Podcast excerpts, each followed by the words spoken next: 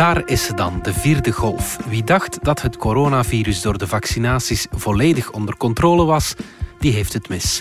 Je ziet weer meer en meer mondmaskers en er wordt gedacht aan een derde prik. Hoe erg is deze nieuwe golf? Is het alle hens aan dek? En geraken we dus echt nooit van dit virus af?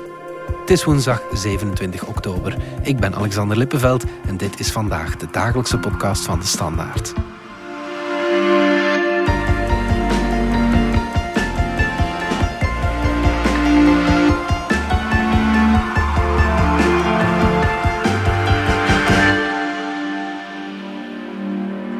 Volgens Frank van den Broeke, de minister van Volksgezondheid, zaten we een week geleden al duidelijk... Duidelijk in een vierde golf. In een nieuwe golf. Dat zei hij in ter zake vorige week. Dat was op zichzelf te verwachten, maar we gaan de komende dagen nog een zeer forse stijging zien van besmettingen en ook, jammer genoeg, toch wel een steile stijging van ziekenhuisopnames. En dat betekent dat we ons allemaal samen zeer schrap gaan moeten zetten om deze vierde golf te bedwingen. Maxi Eckert van onze wetenschapsredactie. Hoe ernstig is de situatie? Er is dus inderdaad geen twijfel meer over dat die vierde golf begonnen is. Mhm. Als we kijken naar de cijfers van Cienzano, ja, die spreken eigenlijk boekdelen. Mhm. Vorige vrijdag hadden we voor het eerst sinds de derde golf meer dan 7000 uh, bevestigde gevallen op één dag. Ja. Het zevendaags gemiddelde is ook aan een steile klim bezig. Op één week tijd is het aantal nieuwe gevallen met 75% toegenomen. Ja. Ja, het reproductiegetal, dat zegt hoe sterk het virus zich eigenlijk vermenigvuldigt, zit nu ook ruim boven één. Dus de circulatie is echt wel aan het versnellen. Ja, hoe zit het met uh, ziekenhuisopnames? Ja, dat zit ook niet goed. We zien dus ook de ziekenhuisopnames toenemen. Het zevendaags gemiddelde zit boven 100 nieuwe patiënten per dag. En Hmm. op een week tijd is het aantal nieuwe hospitalisaties voor COVID-19 met 50% gestegen. Ja, alle alarmbellen op rood. Zijn de besmettingen die we nu zien, zijn die minder erg door de vaccinatiecampagne? Wel, je ziet dat het virus in alle leeftijdsgroepen zit. En in deze golf springt er één groep bovenuit. De Mhm. kinderen van de lagere school, dus de 6 tot 12-jarigen. Daar is de incidentie veel hoger dan andere leeftijdsgroepen. Mhm. Je zou kunnen zeggen, dat zijn nu precies de personen die niet in het ziekenhuis belanden. Mhm. Maar het probleem is, is dat dus wel degelijk mensen in het ziekenhuis belanden. Dus je kunt niet zeggen van veel mensen zijn gevaccineerd en de gevaccineerden ontsnappen aan de dans. Dat is niet zo. Als je natuurlijk een, een enorme circulatie krijgt van dat virus, ja, niet alleen de mensen die niet gevaccineerd zijn, maar uiteindelijk ook mensen die wel gevaccineerd zijn, maar misschien toch wat kwetsbaar, die lopen risico's. De 65-plussers blijven effectief kwetsbaar. En Ja. helaas ook 65-plussers die gevaccineerd zijn. Ja. Vorige week vrijdag heeft coronacommissaris Pedro Facon um, voor het eerst cijfers gegeven over wie belandt nu in deze vierde golf in het ziekenhuis Ja. met COVID-19. En dan blijkt dat de helft van de gehospitaliseerde patiënten gevaccineerd is. Ja. Nu, let wel, dat wil niet zeggen dat de vaccins niet werken. Nee. Integendeel, in de ziekenhuizen zijn de ongevaccineerden oververtegenwoordigd. Ja, ja, ja. In Vlaanderen belanden 0,9 gevaccineerden op 100.000 in het ziekenhuis. Dan hebben we het over de leeftijdsgroep 18 tot 65 jaar. Ja. Tegenover 9,8 op 100.000 Ja. niet gevaccineerden. Dus Dat je is toch tienvoudige. Ja, ja, minstens tienvoudig. Ja. Dus je ziet dat de vaccins mensen echt uit het ziekenhuis houden. Mhm. En dat het een ramp zal zijn als we nu die vaccins niet zouden hebben. Viroloog Mark van Ranst die maakte zich in de zevende dag afgelopen zondag vooral zorgen over de ziekenhuisopnames. Wanneer het gaat over sterfte, wanneer het gaat over intensieve zorg, dan vallen die nog mee. Wanneer het gaat over ziekenhuisopnames, dan zijn daar wel verschillen. Moeten we nu vrezen voor een overrompeling van de ziekenhuizen zoals dat ja, in de, vooral in de eerste en tweede golf het geval was? Ja, dat is dus de vraag van 1 miljoen. Wat zien we nu? We zien de ziekenhuisopnames stijgen. Maar we weten niet hoe groot die vierde golf in de ziekenhuizen zal worden. Mm. Ik sprak daar uh, met Pierre van Damme over, professor epidemiologie aan de Universiteit Antwerpen. En hij houdt er toch wel sterk rekening mee dat in sommige regio's, ook in deze vierde golf, ziekenhuisopnames door COVID tot een overrompeling van de ziekenhuizen zullen leiden. Niet Hm. overal, maar denk aan Brussel, waar de vaccinatiegraad laag is. Ja. Als je kijkt naar de Vlaamse gemeenten rond Brussel, Sint-Pietersleeuw, Assen, maar ook Zaventem, Vilvoorde, daar is de vaccinatie nog onvoldoende. Of ook aan grote steden zoals Antwerpen. Als je kijkt naar Antwerpen, in Antwerpen lopen 70.000 volwassen mensen rond die helemaal niet gevaccineerd zijn. Dat is niet goed. En ondanks alle inspanningen die men daar doet. Nu, bij de politici doet een projectie de ronde, Mhm. die gemaakt is door de biostatistici van de Universiteit Hasselt en Universiteit Antwerpen. Mhm. En in die projectie... Het team van Neil Hens is dat? Juist, dat Ja, is het ja. team van Neil Hens. Ja. Ja. Die is al enkele weken oud. En daar is sprake van 500 bezette bedden op intensieve zorg. Ja. Maar, ja, Neil Hens zei me vorige week ook, we zien nu zo'n sterke toename van het aantal besmettingen. We weten eigenlijk niet waar we gaan uitkomen. Dus dat is een heel lastige kwestie. We zitten met andere woorden aan ja. de bovengrens van de modellen. Moet ik dat zo interpreteren? Of, eh, Ja, toch aan de bovengrens van de projectie die Ja. enkele weken oud is. Ja, oké. ja. Ja. Hmm. Hoe komt het dat we opnieuw in deze situatie terechtgekomen zijn? Wel, ik kan me goed voorstellen dat veel mensen zich dat vra- afvragen. Want zeker in Vlaanderen is een groot deel van de bevolking gevaccineerd. 80% van de hele bevolking of 92% van de volwassenen. Mhm. Maar belangrijk, daarmee zitten we dus niet aan groepsimmuniteit. Ten eerste omdat gevaccineerden nog altijd besmet kunnen geraken en ook het virus kunnen doorgeven. Ten tweede zitten we nu met een heel besmettelijke variant. Dus de situatie is helemaal anders dan in de tweede golf. Toen we nog zelfs geen sprake was van de Britse variant. Mhm. We zitten ook in een, veel, in een heel andere situatie dan de derde golf. Die dus door die Britse variant, of ik moet eigenlijk zeggen alfa, veroorzaakt is. Mhm. En daar komt dan nu ook nog eens bij dat er weer veel meer contacten zijn tussen mensen. Dus het virus blijft circuleren, ja, en slaat aan toe bij degenen die zich niet hebben laten vaccineren. Of, en dat is nu ook iets dat we beginnen te zien, Mhm. bij wie dat de immuniteit na verloop van tijd gedaald is. Ja. Dus de vaccins, de mRNA-vaccins van Pfizer en Moderna, dat zijn mensen die hebben twee prikken gekregen. Mhm. Maar we zien nu ja, dat dat vaccinatieschema eigenlijk niet volledig is en dat toch zeker een bepaalde groep een derde prik nodig heeft om die immuniteit op peil te houden. Ja. En als dan het virus heel sterk de ronde doet, ja, dan vindt het op een gegeven moment ook de mensen die, die vatbaar zijn. Hè? ja. Wil dat zeggen dat de vaccins niet zo goed werken als verwacht? Of wisten we wel dat dit ging gebeuren na verloop van tijd? Nee, dat wil niet zeggen dat de vaccins niet goed werken. Mhm. Nu, die vaccins zijn heel snel ontwikkeld en daardoor kon er eigenlijk niet voldoende onderzocht worden wat nu het beste vaccinatieschema is. Oké. En dat was ja, een beetje een gok, doordat de druk zo groot was om snel iets op de markt te brengen. Ja. En kon er ook niet worden gezegd van laat ons nu eens kijken, wat gaat dat geven als we nog een derde prik geven, als we de tijd tussen de prikken verlengen of verkorten. Dus, ja, dan hadden we onze prik nu nog altijd, onze eerste nee, nog altijd voilà, niet gehad. voilà. natuurlijk. Dus nu zien we eigenlijk wat dat in de praktijk betekent. En nogmaals, die vaccins zijn echt een zegen. Ja. Maar eh, we moeten nu wel met real-life data eigenlijk die vaccinatieschema's bijsturen. Mhm, mhm, mhm.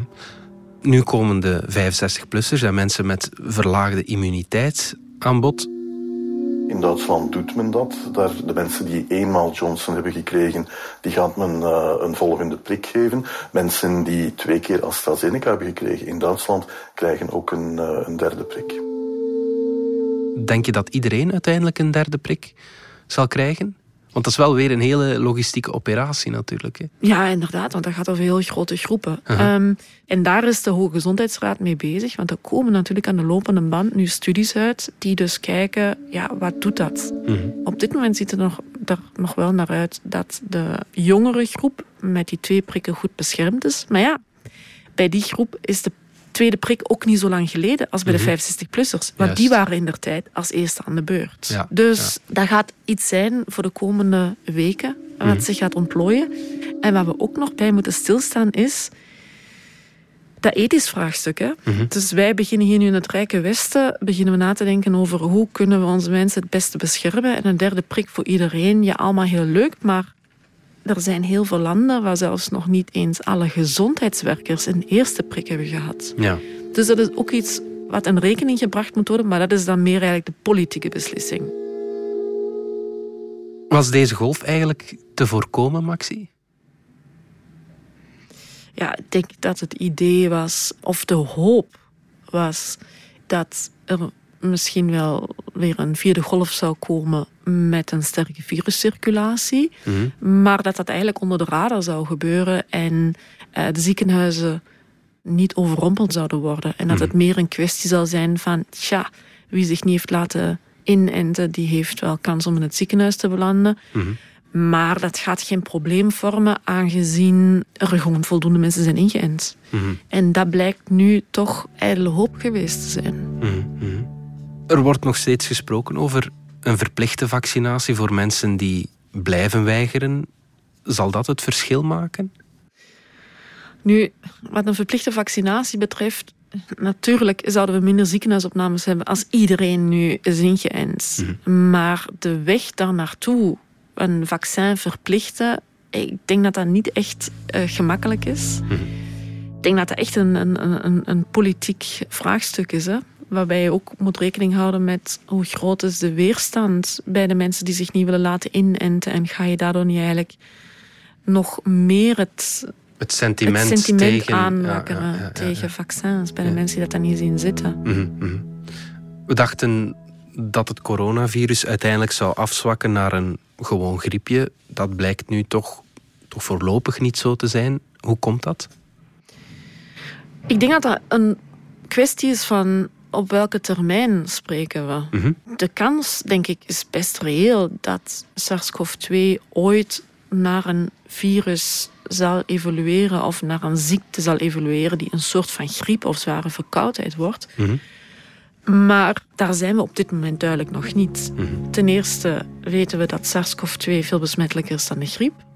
En daar komt dus bij dat er een groep mensen is die nog nooit in contact gekomen is met het virus en waar het dus wel echt kan toeslaan. Mm Want bij de griep, dat mag je niet vergeten, heeft de bevolking een achtergrondimmuniteit door herhaaldelijke besmetting in de loop van het leven. Ja. Dus ook al muteert het griepvirus, een eerdere infectie biedt altijd een mate van bescherming tegen toch een ernstig verloop. Ja, ja. Maar we weten al wel zeker dat SARS-CoV-2 nooit helemaal zal verdwijnen. Mhm, mhm. Daarvoor heeft het virus een aantal eigenschappen die heel ongunstig zijn. Mhm. Zoals die asymptomatische verspreiding. Dat is iets dat maakt dat het heel moeilijk is om te zeggen van je gaat het echt uitroeien. Ja. Maar ja, dat, we moeten ermee leren leven denk ik, kan pas beginnen op het moment dat de gezondheidszorg niet meer in het gedrang komt. Mm. Maar um, op dit moment zitten we duidelijk nog met het risico dat het een probleem is voor de bevolking. En ook mm. voor de gevaccineerden die hun deel van het werk hebben gedaan,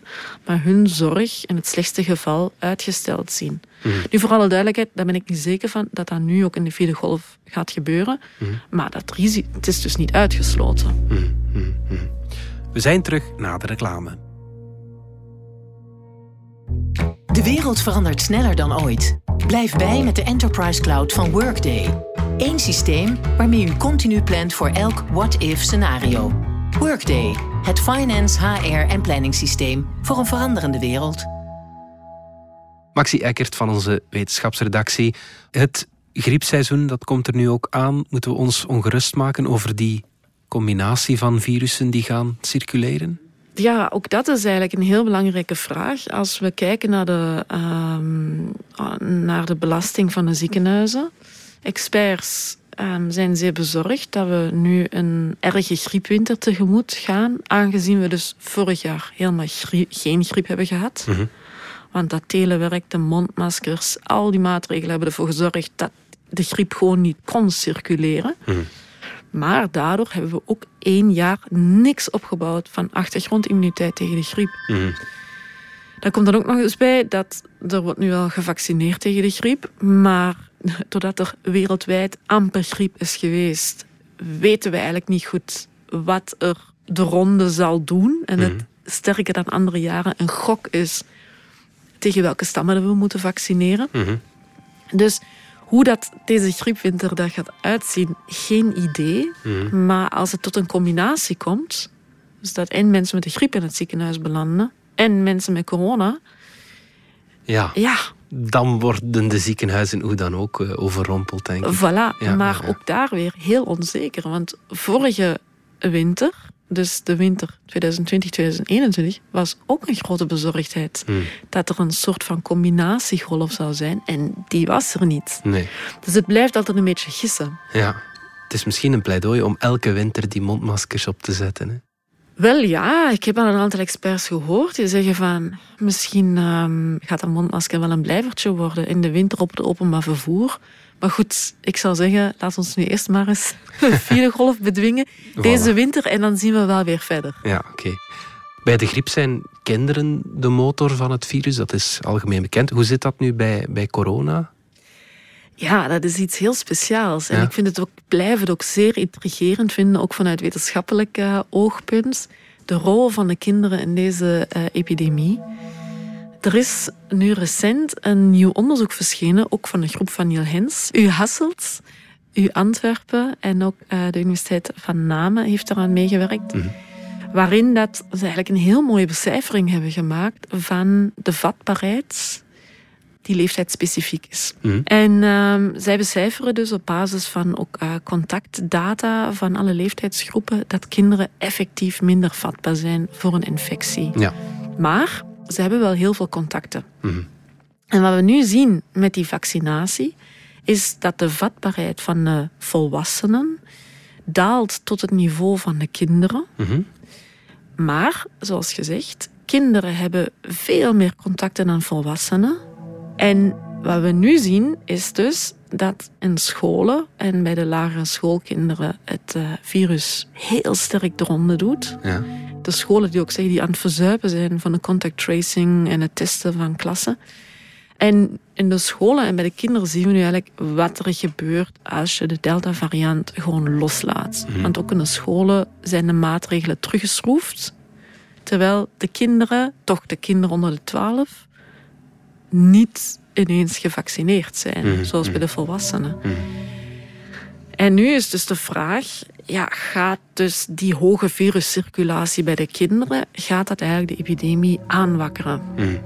En natuurlijk is het antwoord minstens gedeeltelijk ja. ja. Neil Hens, de biostatisticus, zegt ze zijn een hulpmotor van de epidemie. Het gaat hem te ver om te zeggen ze zijn nu de motor omdat de contacten die mensen hebben in alle bevolkingsgroepen zijn toegenomen. Ja. En wat we ook niet mogen vergeten, we hebben de coronacijfers pas echt zien stijgen in oktober, mhm. terwijl de scholen al in september waren begonnen. Ja. Dus als de kinderen nu echt de drijvende kracht zouden zijn, dan hadden we waarschijnlijk de cijfers al in september zien stijgen. Ja, ja, ja. We nemen deze podcast op dinsdagochtend op, de dag dat het overlegcomité vervroeg samenkomt. De maatregelen die kennen we op dit moment nog niet, maar het ziet er naar uit dat er verstrengingen gaan komen. Eén zaak is meer vaccineren. Maar als je natuurlijk een, een enorme circulatie krijgt van dat virus, ja, niet alleen de mensen die niet gevaccineerd zijn, maar uiteindelijk ook mensen die wel gevaccineerd zijn, maar misschien toch wat kwetsbaar, die lopen risico's. Gaat ons dat helpen?